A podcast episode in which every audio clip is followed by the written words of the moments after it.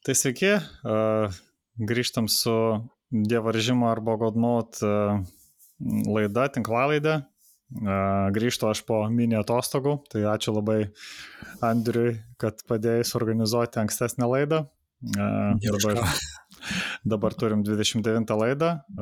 Šį kartą jungiamės kartu su, na, jau paminėjau, Andrius Jovaiša, Arturas Rumensavas. Sveiki. Ir Simonas Vitkūnas. Labas. Mes taip, na, svarstėm ir atidėjom savaitę, kad, na, kažkiek šiek tiek pasiruošti ir biškai, kad, na, įsivažiuoti galbūt tą pirmą šoką išgyventi dėl Ukrainos, nes norim skirti laidą Ukrainos žaidimų industrijai, kiek galim ir, na, pasižiūrėti, kiek, kiek galima žaidimų industrijos prisidėti arba padėti dabartiniai situacijai. Pradžiai gal paminėsiu, ką galima iš Lietuvos padaryti, na, tokie galbūt lengviausiai prieinami būdai. Tai gal, galbūt jau girdėjot per kitus kanalus, tai yra organizacija Blue Yellow, kur jau, man atrodo, 10 milijonų eurų surinko paramos, bet na vis tiek reikės ir reikės tikėtina. Ar ne 17? A, jau tiek? Nu tai va. O tada dar... Mhm. Dar kol išeis, dar daugiau surinks. Nu jo, čia eigoje tikrai, nu, nes toks kaip, nu vis tiek centras yra, per kurį, per kurį viskas eina, manau kadangi jie ten daug metų nuo pat, nuo pat 2014 tenai veikia Ukrainai, tai jie, nu, ko gero, na, arčiausiai yra to, ką, ką iš Lietuvos galima padaryti. Um, tada stiprus kartu iniciatyva, kur galima registruotis e, ypatingai, jeigu turit galimybę e, suteikti gyvenamą būstą ir tiesiog priimti pabėgėlius. Kol kas irgi, kiek žiūrėjau, tai yra daug daugiau užsiregistravusių, kurie kažką gali pasiūlyti, negu kad kol kas reikia, bet na tai vėl eigoje tikėtina keisis, taip pat galima vairuotojams užsiregistruoti. Dar lyg ir buvo informacija, kad reikia na, dėl na, savanorių šiaip tose centruose, bet kol kas tiesiog reikia sekti, e, kur, kur kokios dar pagalbos reikės. Krūva ir dar organizacijų yra mm, per Lenkiją galima ieškoti, nes na, Lenkija yra dar arčiau, e, kur tiesiogiai galima ten, nežinau, vaistų siūsti į sandėlius ir taip toliau.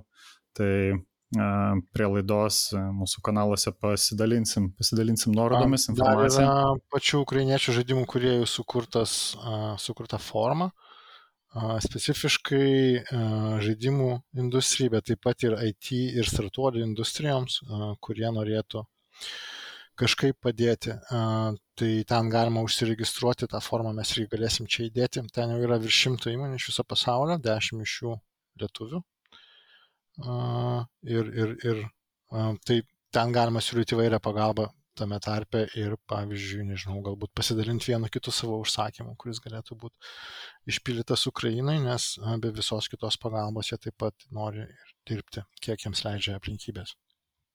Jo, šiaip iš savo pusės, kadangi dirbu šiek tiek su susisiekimo sritimi, tai žinau, kad uh, iš tiesų Lenkijoje uh, pagalbos kiekiai yra didžiuliai, didžiuliai, prasme, e, tie perskirstimo punktai, keliai svarbus ir vienas prie Lvovo yra, tai jie tiesiog yra perkrauti, stovi, stovi sunkvežimiai su priekabėmis ir laukia, kol, kol bus išvežioti daiktai. Tai iš tikrųjų tas solidarumas yra na, labai, labai didelis ir Lenkai ypatingai daug daro priimdami e, pabėgėlius, geležinkeliai ypač irgi daug daro.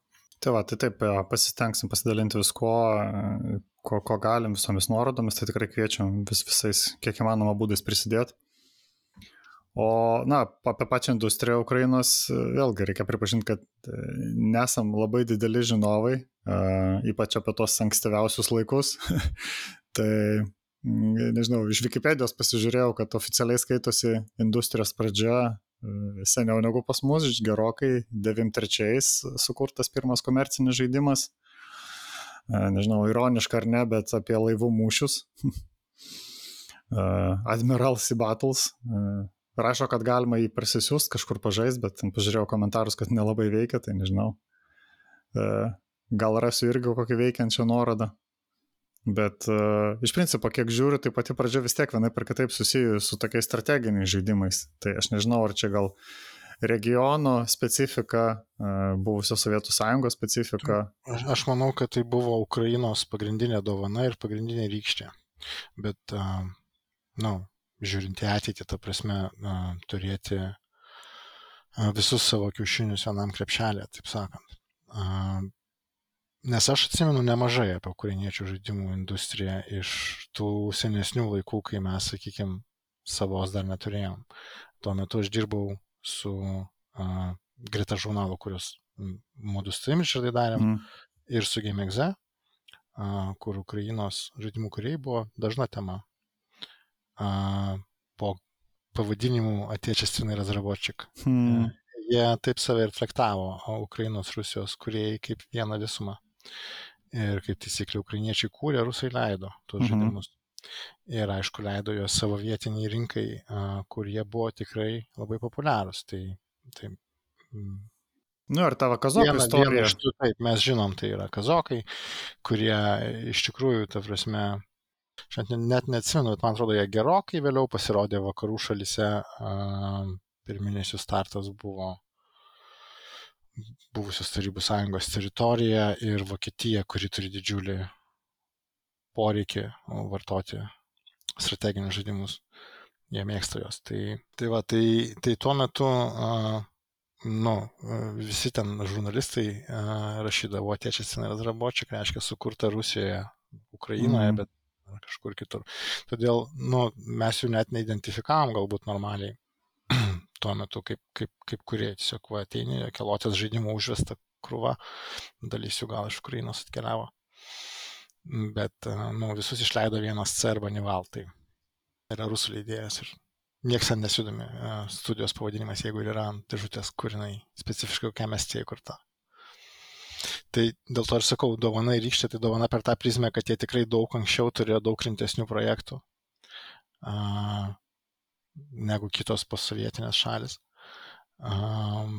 Bet tuo pačiu jų industrija žlugo 14 metais dėl šitų priežasčių. Dėl to, kad mhm. visi kontaktai nutrūko ir, ir kai kurie, kurie turėjo apsispręsti dėl to, ar jie nori toliau tęsti verslą su, su rusais, ar jie nori likti Ukrainai apskritai nemažai studijų buvo priverstos būtent tam etape išsikraustyti į kur nors ten Kiprą ar Maltą ar dar kažkur, tam, kad nu, išsaugoti darbinę atmosferą, sakykim taip, toliau nuo politikos, kaip jie sakydavo. Mhm. Ne, ar pas mus čia kelios atsikėlė, galėsim vėliau dar sugrįžti prie ten tų kelių žaidimų. Vat aš dabar bandžiau prieš laidą išsigūglinti, kuom baigėsi Best Way uh, istorija nes kas yra įdomu iš tikrųjų, kad, nu, ir čia šiuo aspektu turbūt tinka ir Ukrainai, ir Rusijai, ypač tam ankstyvajam mm, laikotarpiai, kai mes kalbam apie tokius žaidimus kaip kazokai, kaip stalkeris, nu, tarkim, Rusija tuo metu irgi turėjo mm, dalinabošikus kokius nors, ne, IL-2, mm. tai yra, kai pagalvoji apie tą ankstyvą periodą, tai tiek Rusija, tiek Ukraina irgi buvo panašios tuo aspektu, kad jos neturėjo didelio skaičiaus žaidimų, bent jau eksportui, ta prasme, ten vidiniai rinkoje, tai, tai turbūt nu, yra krūvos su žaidimų, kurių mes net ir nežinom, kad jie kada nors buvo, bet tie, kurie jau pakankamai geri ir eksportui. Tai, tai dauguma jų buvo, nors jų buvo nedaug, bet kiekvienas jų savotiškai gebėjo transformuoti žanrą arba kažkokį tai technologinį aspektą. Stalkeris tai padarė bent porą kartų per savo egzistavimą. Bet ta kompanija Bestway, kurią minėjau, jinai yra iš, man regis, Donetsko regiono, bet e, turi studijas Severdonetskė ir Čerkasuose. Tai aš nežinau, pavyzdžiui, kaip jiem baigėsi, bet nu, jie darė tą Men of War seriją, antrojo pasaulinio karo strategija, kur mano, mano nuomonė bent jau tikrai išluostė nosį vakarų analogom. Ten tuo metu buvo keli, kelios panašios serijos Company of Heroes, Band of, Band of Brothers, man regis. Um, ir tų Men of War būtent tas uh, tiek taktinis gilis, tiek uh, fizika uh, ir kaip tu žaidi strategiją mūšio laukia, uh, tikrai transformavo daugelį dalykų, kurie paskui tu juos pamatai kituose žaidimuose. Kaip ir man asmeniškai, aš nežinau, gal, pavyzdžiui, nu, Stalkerė, pavyzdžiui, buvo tas momentas, dabar nesimenu, kuriam, kai um, daugybė tų lūtinamų detalių jau matydavosi ant priešų kūno, kas šiandien yra visiškas standartas žaidimuose. Mm. Bet, na, nu, tais laikais tai to nebuvo. Tai, va, tai tokie niuansai, kad, ta prasme, jie tikrai kūrybingi, technologiškai tikrai pažangus. Um, žmonės yra ir tikrai puikių žaidimų sukūrė, bet um, man teko būti Ukrainoje prabėgus keliam metam po 14 metų įvykių um, žaidimų kuriejų renginyje ir um,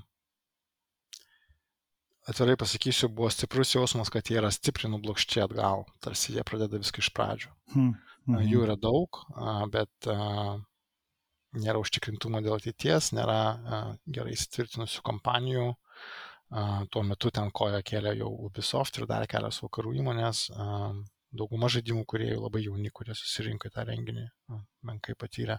Toks keistas buvo paveikslas. Aš važiuodamas ten tikėjausi visai ko kitko, turint galvoje, kad iki tol esu turėjęs nema, nemažą sąlytį su ukrainiečių žaidimais.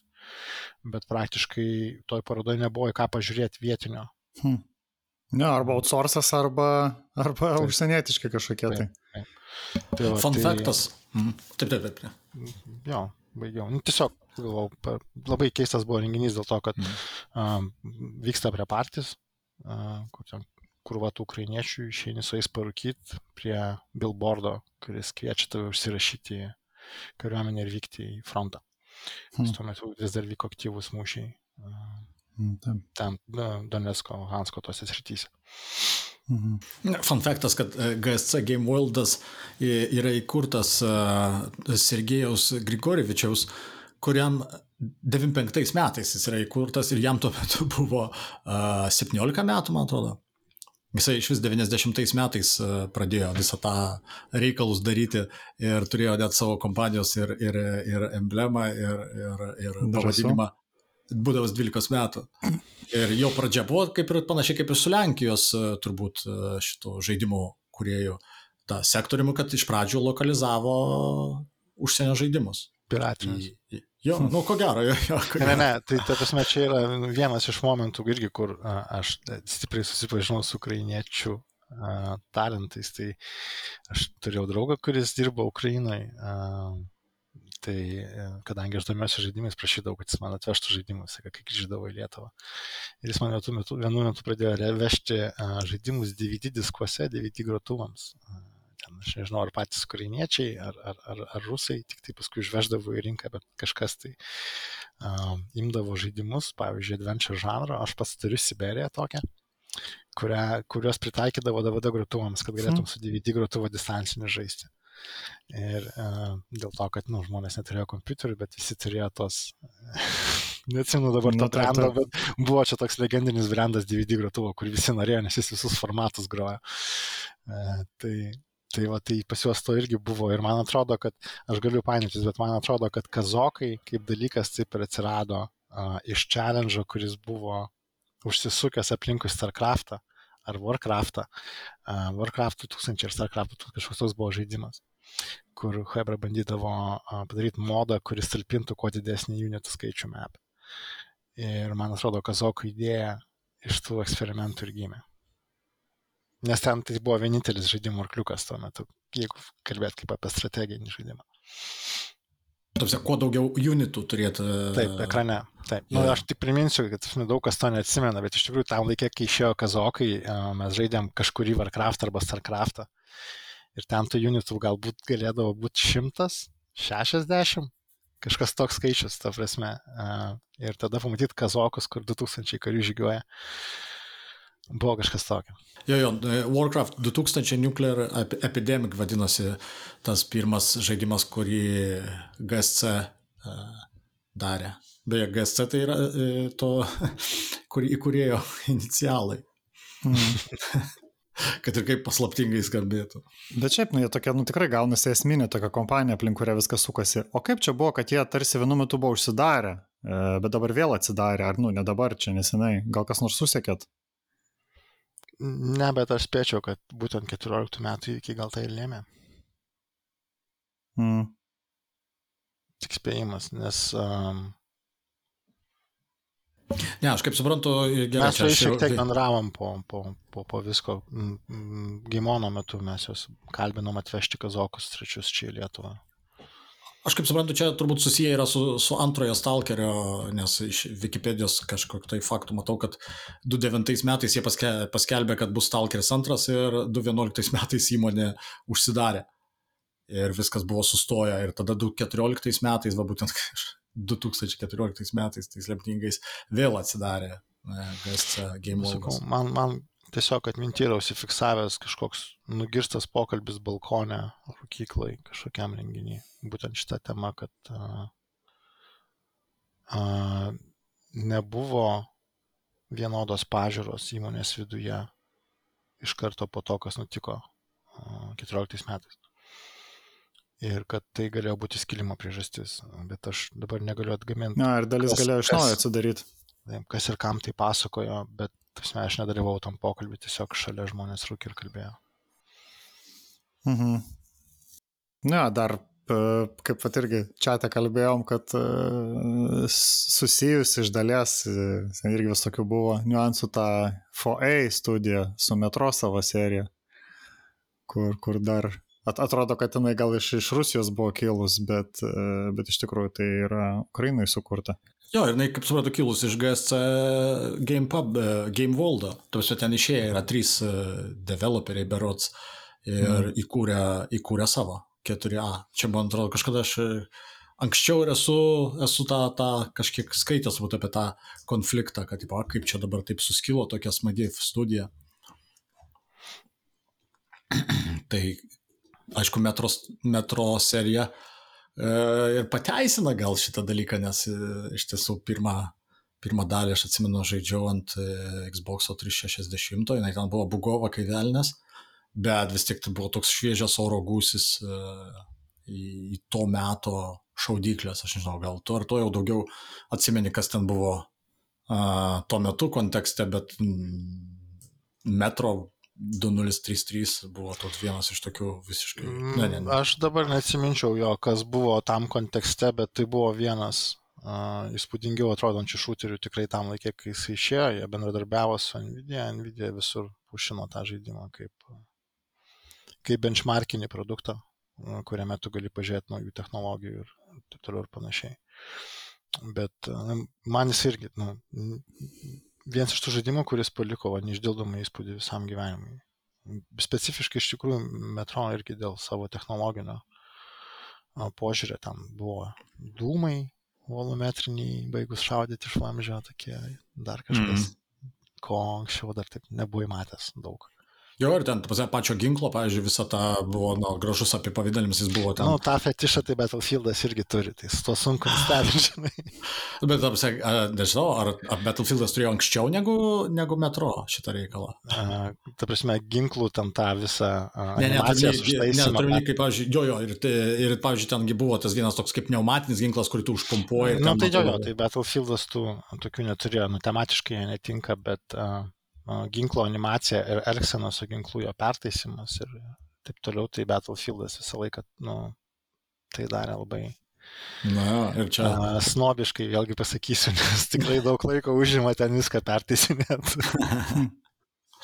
Jo, jo, ir ten buvo, atsimenu, buvo tas. Bet, bet, bet iš tikrųjų, kalbant apie ginklus, tai va, tu, tu šiandien paminėjai tą anabiozę, anabiozės tą žaidimą. Mm, Taip. Jo, jis vadinasi anabiozis. Ir mane, mane stebina iki šiol, kad tiek mažai žaidimų perėmė, pavyzdžiui, irgi kalbant apie ginklus ir jų užtaisimą, anabiozis irgi turėjo pakankamai gerai išpildytą šitą dalyką, bet ir per vartotojo sąsajos prizmę. Tai buvo mm. žaidimas, kuris rodydavo dėtuvės pjūvį. Iškės tu šaudydamas, matai dėtuvės pjūvį su mechanizmu, kuris stumia kulkas e, į, į, taip, taip. į, į ginklą ir, ir tu tiesiog iš to maždaug sprendi, kiek šovinių yra. Mm. Ir tai buvo beproto gražu ir įdomu pamatyti tą dėtuvės vidų, bet uh, nedaug žaidimų tą perimą. Tokiam lygiai tai nei vieno nemačiau iš tikrųjų. Mm. Jo, aš atsimenu, žaidžiau, tai tas žaidimas, apie kurį kalbam, čia vadinasi Kriostazis. Jo, angliškai.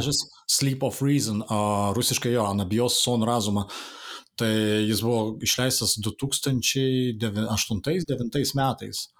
Ir, ir jis ten jo pasakoja tokią įdomią istoriją, tokią gan slogę istoriją, apie įvykius, kažkokius paslaptingus įvykius Rusijos kažkokiam tai ledlaužiai ar kažkur, jo, jo, takšiam laive. Ir, ir ten tas įdomus buvo dalykas, kad tu grįždavai, kas irgi dabar jau šiaip įprastai žaidimuose yra įprasta, kad tipo, tu tiesiog kažkaip, aš nežinau, ar prisiliesdavai prie kažkokių daiktų ir tu grįždavai atseit e, kaip sapne į tų žmonių, kurios, kurių ten ar palaikus, ar kažkokius tai atminimus matai ir tipo pergyvendavai tos įvykius tame laive. Tai.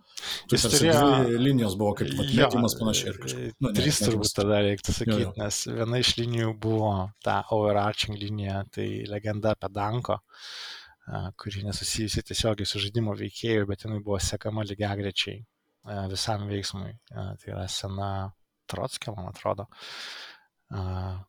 Nežinau, kaip pavadinti pasakėčią novelę, bet jinai buvo apie žmogų, kuris vedė būrį žmonių į, į spruko jam nuo priešų. Ir, ir jis jos, žodžiu, vedė ir aukojasi dėl jų visą kelią. Finaliai jis išsiplėšė savo širdį, kad paskutinius žingsnius pašviest plakančio širdės šviesa. Tokia, man aš ją vaikystėje buvau girdėjęs, tai man jinai buvo labai užstrigus. Ir kai žaidžiant žaidimą pradėjo ją cituoti, um, tas paveikslas siužetinis pradėjo klijuotis, man tada žaidimas pradėjo patikti iš tikrųjų.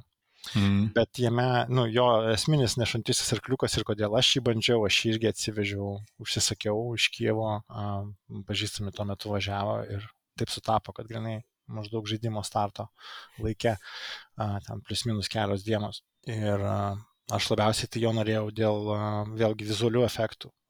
Šiuo atveju tai buvo tos kelionės laike ar matmenyse, kurios vyko dėl tų atominių dalykų, kurie tenais yra tam laive, jos keisdavo temperatūrą. Ir temperatūros keitimas buvo galvosūkių sprendimo būdas, nes mechanizmas užšalęs, bet tu jį atitirpini ir jisai gali veikti ir atvirkščiai.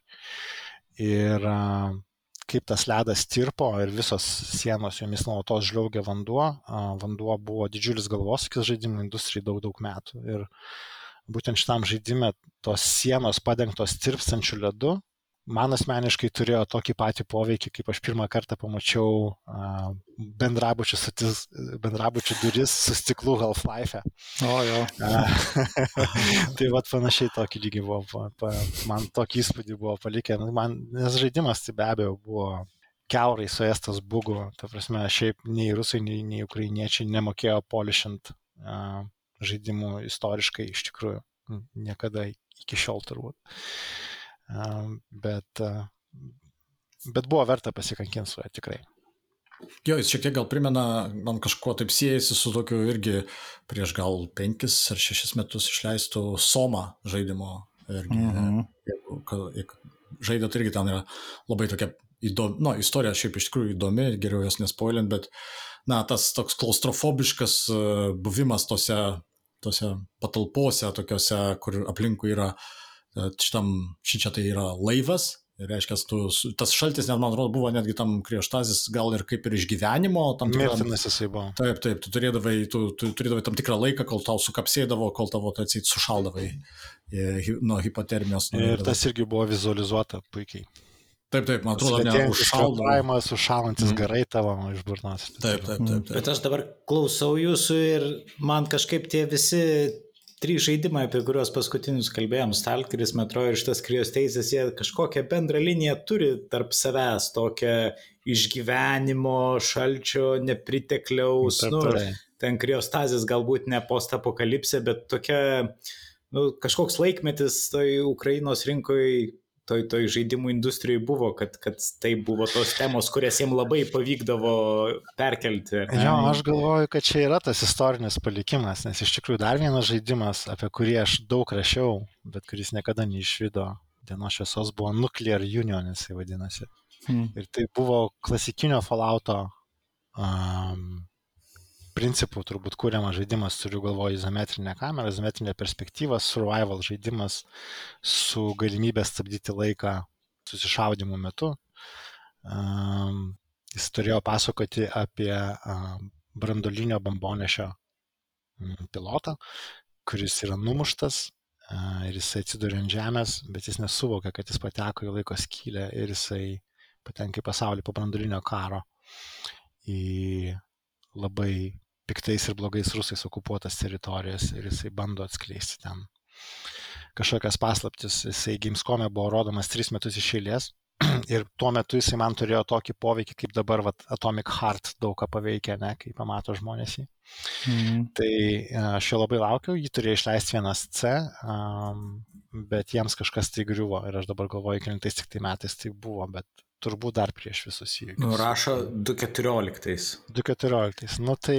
Turėjau išleisti. Aš manau, kad, ta prasme, visa tai, nu, turbūt ir yra susiję, nes aš atsimenu, aš turėjau neblogą kontaktą vienas C, tas žmogus, su kuriuo susitikdavau Gamescome 6-7 metus iš eilės kiekvienais metais.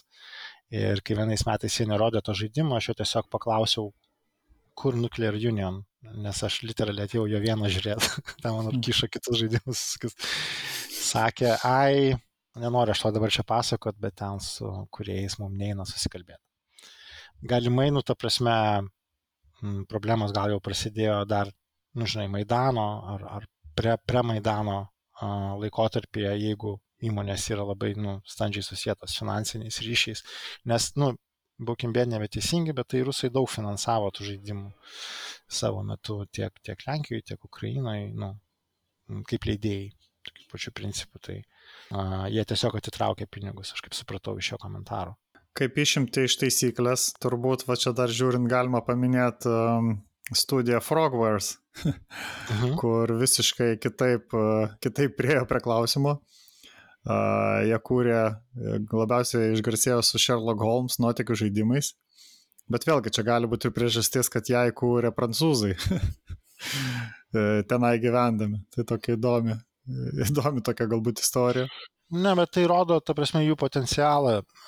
Dėl to, kad, nu, kai aš buvau Kievė, tais metais susipažinau ten su Ubisoftu, kurie aktyviai samdė ir buvo labai patenkinti savo studijomis Ukrainoje. Ir tuo metu buvo labai nemažai užsieniečių, ieškančių būdų užmėgsti kažkokius ryšius ir pradėti verslą su ukrainiečiais.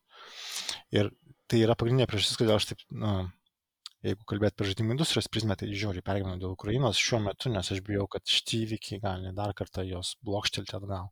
Mm. Um, ir to priežastis gali būti irgi tokia, kad jie vėlgi, um, jeigu per tos aštuonis metus uh, jie neprikūrė labai daug uh, galbūt naujų studijų pas save, bet tikrai nemažai kūrė įvairiausių servisų, mm, mm, ten e, ypač mobilo sferai, outsourco ir panašiai. Ir tokios įmonės jos um, yra labai priklausomos nuo, kaip, kaip sakyt,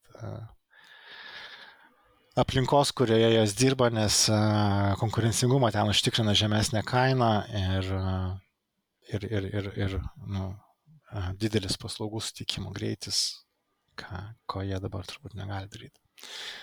Ir tai vis tiek yra pinigai, kurie ateina į industriją, nu, bendroji sumoje.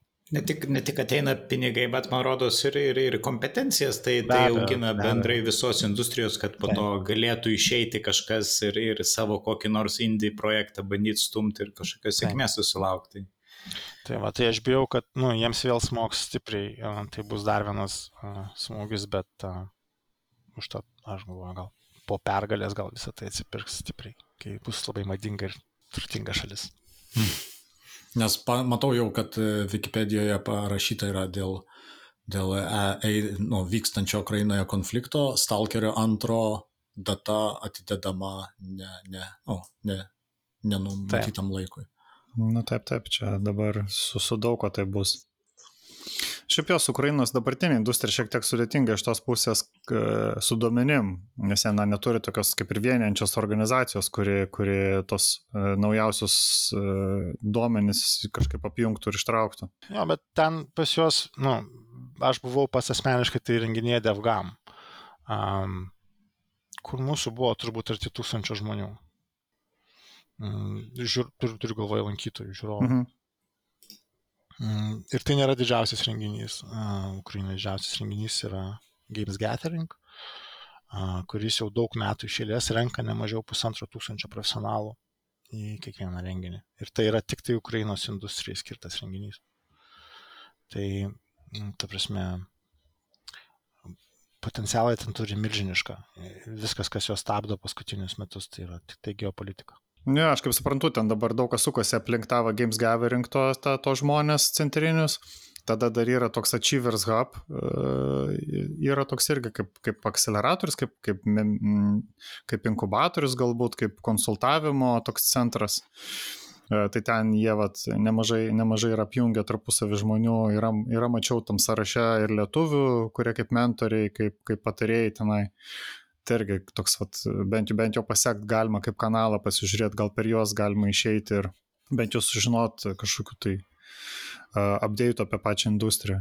Fokusas, jo, pagal ten prieš, prieš porą metų darytas ten apklausas, kad fokusas jo yra didžiulis į outsourcą, didžiulis į mobile, nu ir kaip minėjai, tai yra nu tikrai tokios rizikos kur ne, sunku tai yra ir user, ir user acquisitionas, ir playtestinimas, ir quality assurance. Labai didelės kompanijos ten yra, kurios šitas paslaugas teikia.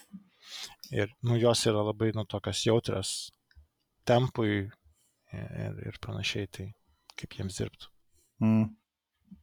O į Lietuvą nėra atvažiavusių ne vienos kompanijos, iš, nu, va čia per tą laiką, kai, kai Baltarusiai, Rusai vyko vis pas mus kūrėsi, persikelinėjo, ne, iš Ukrainos niekas nėra atvažiavęs. Mm, aš negirdėjau. Yra kelios. Vis, kad studijos keltųsi, tai ne, neteko man girdėti.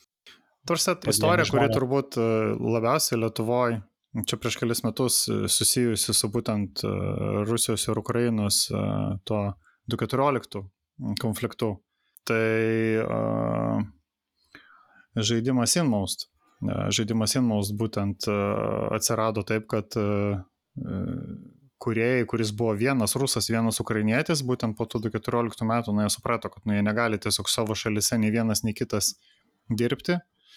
Ir tam, kad normaliai testų veiklą, tiesiog atkeliavo į Lietuvą ir e, per, per vat, jau buvo pradėtas žaidimas, aš kaip supratau, e, ir e, Lietuvoje būdami išleido ir na, tai buvo tikrai labai sėkmingas dalykas ant visų platformų, mes ten paminu visus apdovanojimus įmanomus atidavėm 2019.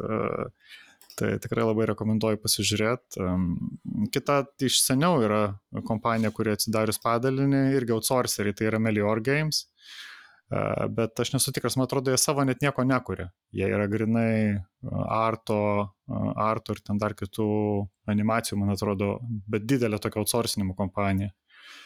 Tiesa, vat, nesu tikras, kokia jau dabar padėtis Lietuvoje. Kažkaip aš. Bet aš galvoju, kad nu, tai šiek tiek irgi atspindi um, pačių ukrainiečių pasaulyje žiūrą, nes ir,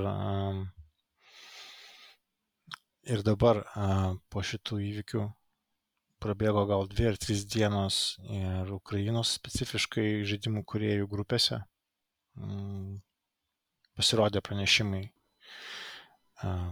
kuriuose jie postino marodierių nuotrauką sulaikytų Kieve, sakė, ar varškiai iš parduotuvės, ar developerius iš įmonės. Tai yra vienas ir tas pats. Buvo šaukimas ir prašymas kitų šalių kuriems ne, nemedžioti ir nekviesti darbuotojų, o priešingai siūlyti kažkokią pagalbą, kad jie galėtų tęsti savo darbus čia.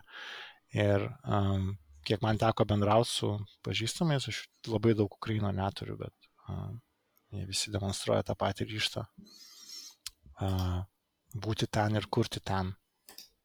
Taip, taip, čia labai svarbus momentas, nes kitos industrijos, tai taip, jos e, yra va, čia sukurtos iniciatyvos, kaip, kaip na, pagreitintai darbinti žmonės, e, bet, e, bet specifiškai su žaidimais, tai jo, aš irgi kiek, kiek kur skaičiau komentarų ir kiek žmonės, kas susidūrė, sako, kad, na, tai na, ne ta pagalba, kurios dabar reikėtų.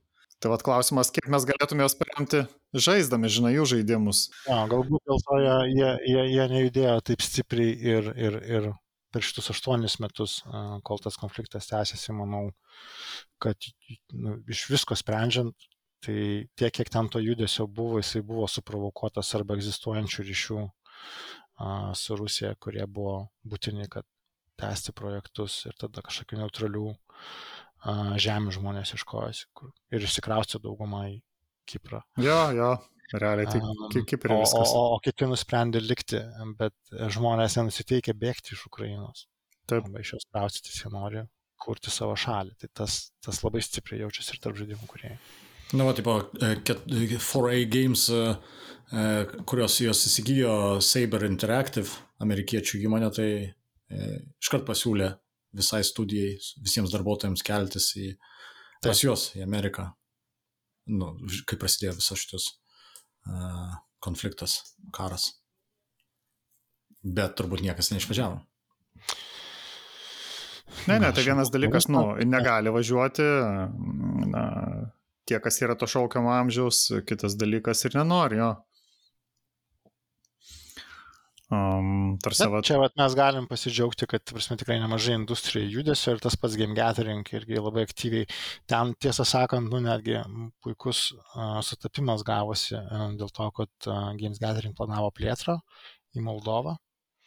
Ir, ir porą dienų prieš karą, ar tris dienos prieš karą paskelbė apie sekantį games gathering renginį Moldovai būtent su postu, kad mes tikrai neišsikrausim iš Ukrainos ir panašiai, net, net mums slidžių mes plečiamės ir mes mhm. turėsime renginį Moldovai.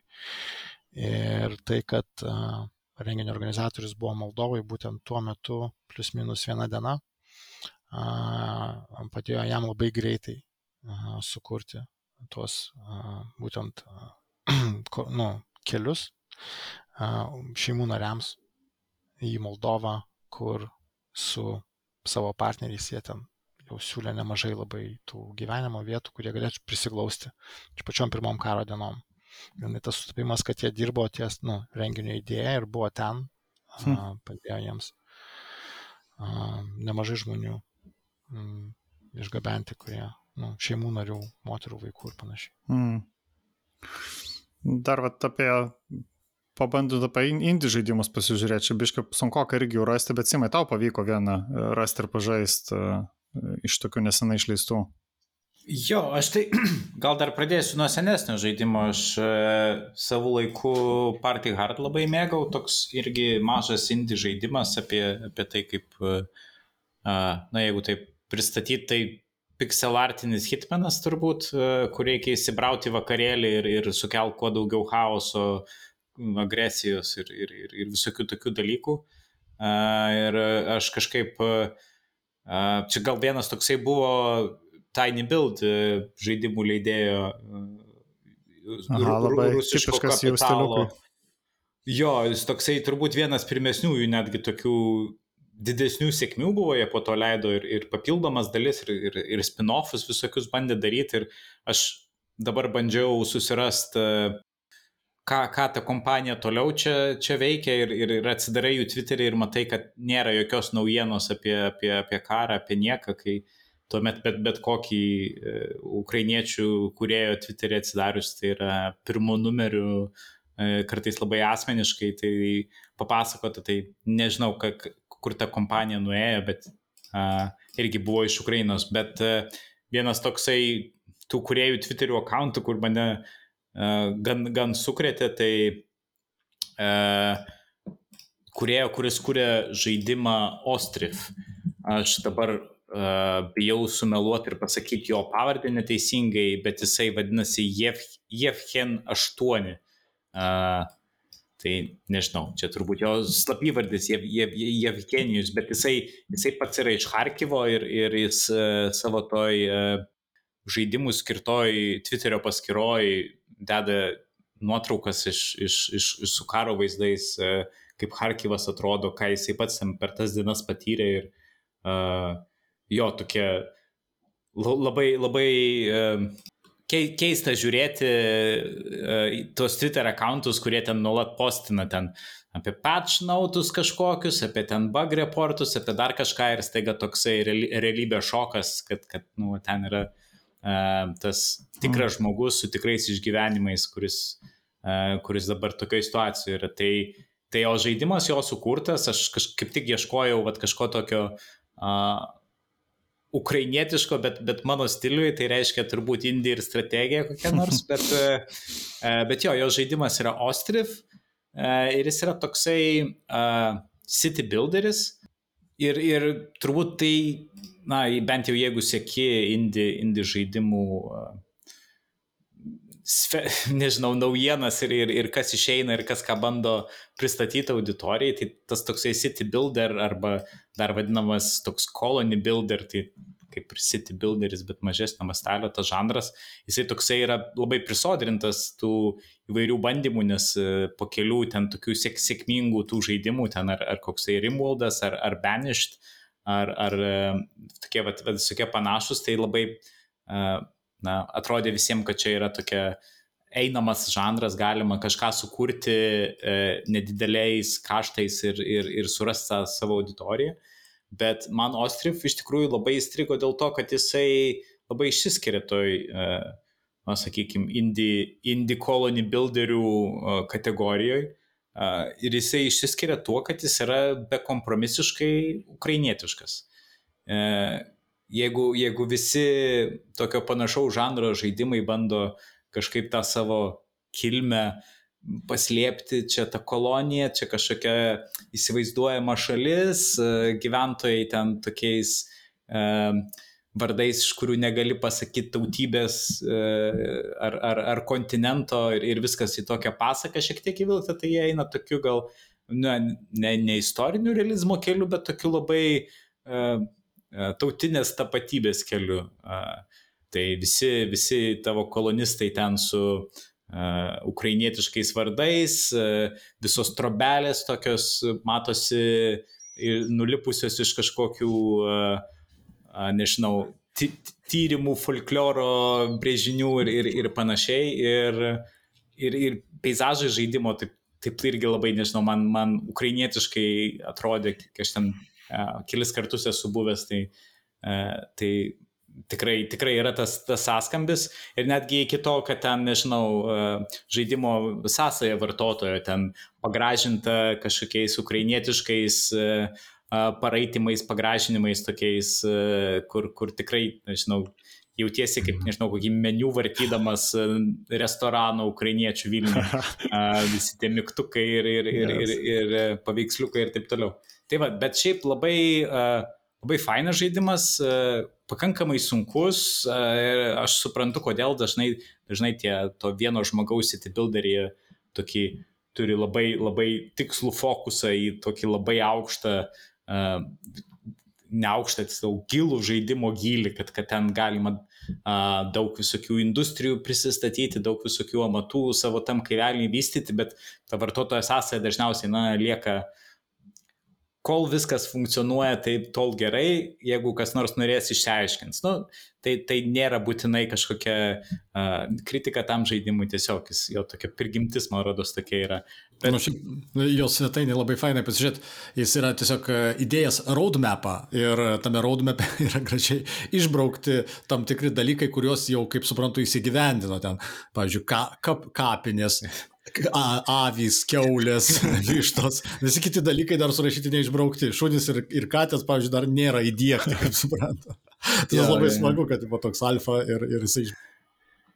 Jo, jo. E, vienas dalykas, aš ką dar pabaigsiu apie tą, apie tą ostrif, kuris man įsiminė pastarąsias dienas. E, tai jisai turi tą tokį pajūtimą, kurį dažnai pameta, e, man rodos, kiti kūrėjai, kurdami ar, ar, arba tos city builderius, ar, ar, ar, ar tos colony builderius, uh, jisai yra puikus žaidimas tiesiog stebėti. Uh, ne, ne būtinai ten statyti, vystyti, optimizuoti ir ten uh, kurti schemas kažkokias, kaip čia suoptimizuoti tą, tą darbą, o tiesiog gali įsijungti, sekti vieną kokį kaimietį, ką jisai per dieną veikia ir tikrai veikia labai raminančiai Ir iš, iš žaidimo kurėjo pusės ten pakankamai yra daug tų detalių, kad, kad nežinau, jeigu ten reikia pastatyti trobą naują, tai tu matai, kaip kiekvieną malką paima, nuneša į vietą, padeda į tą vietą, sukala, tu matai, kad trys viniai susinaudojo ten malką tą sukalti, atneša kitą malką ir visas tas namas pasistato ne per kažkokią ten animaciją ar, ar, ar shaderį, o ten tiesiog po vieną tą e, 3D detalę Wow. susikonstruoja Nu, pagaliau- truputį. Pagaliau turime tipo, bū- būdą, kaip galima būtų įgyvendinti tą žinomą pasakymą apie tai, kad ka- trys geriausiai raminantis dalykai tai yra žiūrėti į degančią ugnį, į tekantį vandenį ir dirbantį žmogų. Jo, jo, super, žinok, aš, aš galiu, galėčiau ilgai labai žiūrėti, kaip, kaip tie Ostrivo darbininkėliai ten pluša prie, prie kokios nors naujos malkinės ar, ar, ar dar ko nors tikrai. O tai kaip manot, kodėl feodalinė santvarka taip ilgai? Tai va, tiesiog e, rekomenduoju labai toks e, ukrainietiškas žaidimas iš, iš, iš galbūt ne istorijos, nes jos ten nelabai yra, bet iš, iš dušios tokios. Mm. Uh, ir man netgi bežaidžiant kilo tokių klausimų apie, nu, vat, tą tokį uh, norą, gal net ir Lietuvos kontekste tas klausimas tinka, ar ne, kaip, atrodo lietuviškas, labai lietuviškas žaidimas, kokia čia yra istorija ir visiems, aišku, mintis nueina ten raganiai, Lenkų ir taip toliau, kad mums čia reikia kažkokios epinės istorijos uh, su mitologija, su kažkuo, bet nežinau, ta prasme, mažesnė mastelį tai, tai yra labai, man rodos, šaliai įkūnijantis savo nišą, aišku, tai nė- nėra, bet, bet, bet kam tas žaidimas e, turbūt ne, nepaduosi, jisai gana sudėtingas, bet savo nišą jisai tą šalį, man rodos, puikiai atspindi ir, ir, ir, ir galbūt ir net galima pagalvoti, kaip galėtų būti tas ostrivas kažkokiam ir, ir, ir su lietuvišku prieskoniu irgi turbūt turėtų būti uh, pakankamai įdomu. Nu, iš skranšoto į rumšiškės panašu šiek tiek. Taip, taip, čia labai edukacinį kampą galima būtų kabinti, žinai, padarai aukštaičių, žemaičių, dzūkų kaimus, ir ten skirtingas tos reliefus, kūdesnius, gali visą dieną žiūrėti, kaip dzūkai gribauja ir uoga. Minigėjimas galėtų būti. Jo, nu. Ne, šiaip tikrai labai labai įvertinimai jo nerealūs, ta prasme, ir labai daug reviewų ir, ir visiškai ten 91 procentas, nepaisant to, kad čia ir leksasas. Tai jo, būtinai įsidėsim nuorodą. E, Verta, manau, kad tikrai pažaisti, gal ir nebus per sudėtinga. E, Svarbiausia, neprisipirkti per daug keulių. Toks tipsas. Nes keulės valgo labai daug grūdų. Jeigu prisiperki per daug keulių, jos suvalgo visus grūdus ir visi žmonės sako, nėra ko valgyti ir mes išvažiuojam. Tai keblės reikia valgyti. ne, nu, tu, tu bandai jas, žinai, išveisti, sukurti ten uh, didesnę jų populiaciją. Man ką pavyko rasti iš, iš tokių vat, gal naujesnių, kur na, be bent kažkiek buvo papuolę va čia į viešumą, tai uh, žaidimas pavadinimu Serpent Rogue. Uh, tai yra kompanija Sengi Games, uh, ukrainiečių kūrinys. Uh, kas įdomu, kad jį išleis visai netrukus Team 17. Va, vėl grįžta pas mūsų laidą. Reikia mums, kad judasi. Kas... Tikrai pavyks išleisti. Na, bet teisingai. Greitai čia. Jeigu, žinai, tuo kampu kalbėt, ta prasme, nes nu, mes čia galbūt pašnekėjom um, per savo asmeninių įspūdžių prizmę, žinai, kas ką žaidėm uh, kažkada per laiką, bet tai nu, nėra pilnas paveikslas um, Ukrainos. Mes turim nepamiršti, kad ten yra daug Varkrajų pagaminta. Um, ten Warface yra kurtas kartu su Cryteku. Um, World of Warplanes yra, man atrodo, Ukrainoje pagamintas. Um, kas dar pilnas pavyzdys. Čia iš tikrųjų labai neblogas gėjimas. Uh, ir ten šiaip labai daug žaidimų yra, um, nu, tarsi per Ubisoft, būtent tai ir Refraktajus, ir, ir Assassinos, prie Assassinos serijose biški dirbo. Tai, tai, ta prasme, yra nu, daug gilesnė tema iš tikrųjų, jeigu taip analizuot, kas specifiškai buvo sukurta Ukrainai, galbūt, nu, ne ukrainiečių studijose ir panašiai. Ir vat, aš dabar žiūriu, vienas iš tokių įsimintiniausių, dar vienu iš įsimintiniausių žaidimų, jis irgi yra GSC sukurtas. Iš tų senųjų laikų buvo toks žaidimas Codename Outbreak Venom. Mhm. Tu turėtum atsiminti, Richardai, nes nu, mes tuo metu dirbom. Jo, jo, girdėtas. Jisai irgi, tai buvo irgi šaudyklė. Tarp kitko, šiuo atveju labai išgarsėjusi ir labai liaupsinama dėl vegetacijos aplinkų. Aha, jo, jo, matyta, matyta. Virgin Interactive dar publishing. Gal vėliau, nes šiaip tai man atrodo vienas C išleido. Nu, tai taip, taip. Bijau sumeluoti. E, Į vakarus matyt nuėjo su tuo. Jo, jo, bet tie tenais, nu, tai šita, nu, čia irgi tas, tas momentas yra ten keistas, bet, um, nu, kaip ir sakiau pačioj pradžioj, uh, atrodo, kad ganėtinai ilgą laiką namų rinka ir šiuo atveju tai būtų Ukraina, Rusija, buvusios, buvusi Tarybų sąjungos, ter, buvusios Tarybų sąjungos teritorijos, tame tarp ir Lietuva ten per akelotę atrodo, kad buvo pakankama rinka Rusijos leidėjim, jie labai vangiai eksportavo savo produkciją į vakarus. Mhm. Nors tikrai turėjo ką.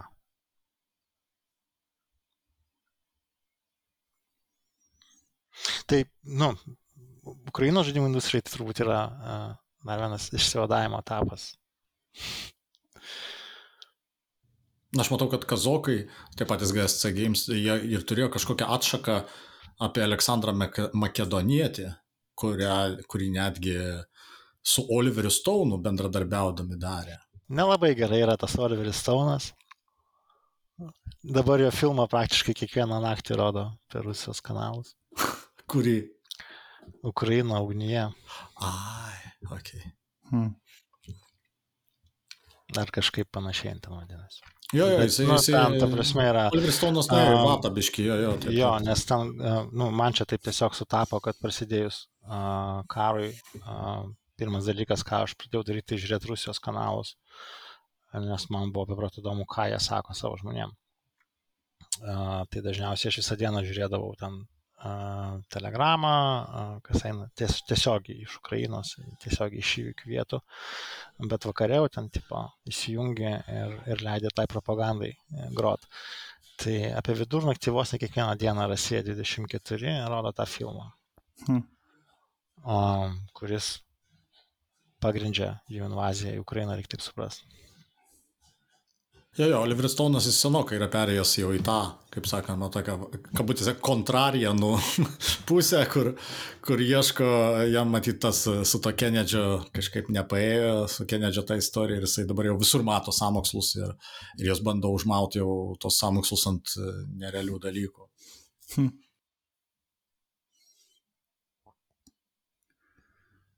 Tai kas dar, galvoju, dar čia tokių, nu, Norėtųsi apie daugiau tų iniciatyvų papasakot, kas, kas, kas vyksta, bet vat, ne, nedaug, nu, kaip čia nedaug dar jūs spėjau įsibėgėti, nes čia buvo planuojama, kad ir Steam Sale organizuoti, ar tai paieškoti ukrainietiškų žaidimų ir juos kažkaip tai su, suklijuoti Sale, ar tai yra iniciatyva, aš tikiu, kad jinai dar išvažiuos Europos žaidimų kuriejų federacijos, kur kelios šalis renka, na, renka savo bandlus, kur galėtų, mm, kur galėtų padaryti seilus ir perduoti, e, perduoti tos pinigus, na, kaip labdarą surinkti. Mačiau Lenkų studijos kelios buvo pasileidę, bet dabar čia ne, ne, nesak, nevardinsiu, nes jau turbūt bus pasibaigę, nes 11 buvo, vat, ties, ties įrašo data baiginėjasi.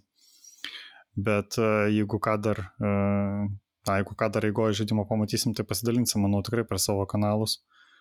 E, kuriejam galima Unity atkreipti dėmesį, kad e, vat, Unity greitai pakankamai spėjo susiruošti ir padaryti asset, e, asset bundlą, kuris skirtas visiškai, na, visos pajamos iš jo skirtos Ukrainai. Tai irgi pasidalinsim.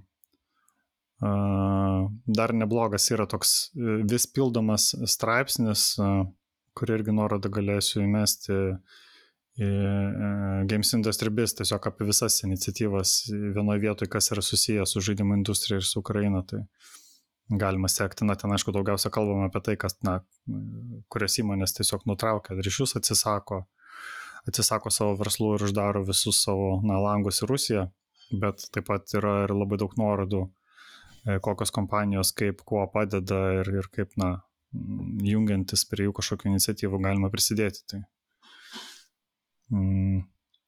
Čia manau, kad dar, na, tiesiog palaikyti šitą, šitą ja. diskusiją ir šitą dialogą reikia. Man šitam visam sraute labiausiai patiko tie ankstyvieji išstojimai, kol dar, dar prieš sankcijas ir prieš viską, nes, nu, dabar be abejo sus, susivaržo kai kurie potencialūs Seimai, bet 11bit ir man regis Amanita studija ir dar viena Lenkų, regis studija išėjo būtent su tuo, kad visi pardavimai Rusijai ir Baltarusijai bus pervedami tiesiai į pagalbos fondą Ukrainai. Mm. Žinai, vienoje rankoje tarsi trolinimas, kitoje rankoje iš tikrųjų puikus kelias skirti paramą, nu, kaip protesto balsas, žinai, mm -hmm. kad tai būtų. Bet uh, vėlgi neteko matyti pranešimo spaudai, kuris sakytų, kad surinkom Rusijoje milijoną ar du. Mm. Tai nežinia, kaip, kiek gerai tai užėjo, bet, nu, šiaip man buvo įdomus ir gražus žingsniai iš tų kuriejų pusės. Mhm. Na, Levimbit ypatingai, jie visą laiką sugalvoja kažką tokio, jie ten artimai ir su Baltarusija labai padėjo per, per tas Baltarusijos įvykius. Ta. Tai dabar tikiu, kad, na, ir ten, ten yra įsitraukę labai stipriai. Uh, tai kol kas turbūt, turbūt tiek turim šiai minutiai. Manau, kad ir, na, turbūt teks ir kitoj laidoj bent kažkiek sugrįžti ir, na, bent jau papasakoti apie tai, kas vyksta mm, sakau, kas atsijęsi su industrija, ko galima, ko galima prisijungti. Aš manau, kad kiekvienas galėtų nors maž, mažą gabalėlį padaryti. Tai tiesiog, na, pavyzdžiui, Wikipedijai tos Ukrainoje kurti žaidimai ir, ir, ir susiradus savo mėgstamą žanrą ar kažką, kas yra senai norėta nusipirkti ir gal pamiršta, ar tiesiog nusipirkti ir, ir galima būtų, tokį, būtų gal šiokį tokį srautą sugeneruoti tiems žmonėms, kurie dabar negali žaidimų kurti, o turi šaudyti iš tikrųjų. Šitoje vietoje aš tik tai parekomenduosiu keistą dalyką daryti tai rusiškoje Wikipedijoje. Hmm. A, nu jo, turbūt. Nes ten daug daugiau yra visko negu. Jo, šiaip iškai gaila, kad angliškai nelabai nedaug informacijos. Galima išverst, va, gera iniciatyva būtų. Taip, čia galėtų būti iniciatyva, tiesiog paimti tos postus ir iš tiesų išversti į anglišką Wikipediją sudėti. Tai va, tai jo, pasidalinkit e, komentaruose, e, Discord'e, Facebook'e, e, kokius galbūt žinot iš, iš naujesnių žaidimų, ką galima būtų susirasti, ko mes nespėjom tiesiog pasižiūrėti. Tai labai, labai lauksim, na ir bet kokių kitų iniciatyvų, ką galėtume mes dar, dar pasidalinti per, per savo kanalus. Tai dėkui, Andriu, Artūrai, Simai. Ačiū, iki. Ačiū. Šiam kartu turbūt, turbūt tiek. Ačiū labai, kad klausėt. Su jumis buvom Dievo režimas arba Godmode, tinklalaidė kuria Lietuvos žaidimų kurio asociacija ir mes vat nesenai, nesenai gavom paramą iš Lietuvos kultūros tarybos, tai, tai dėkui jiems. Turėsim šiokio tokio užtikrintumo, bent jau šiam metam kurti šitas laidas, tai na tikėkime grįšim artimiausiu metu su gal ir tiekime linksmėsnėm kažkokiam naujienom. Tai iki. Iki. Okay. Viso.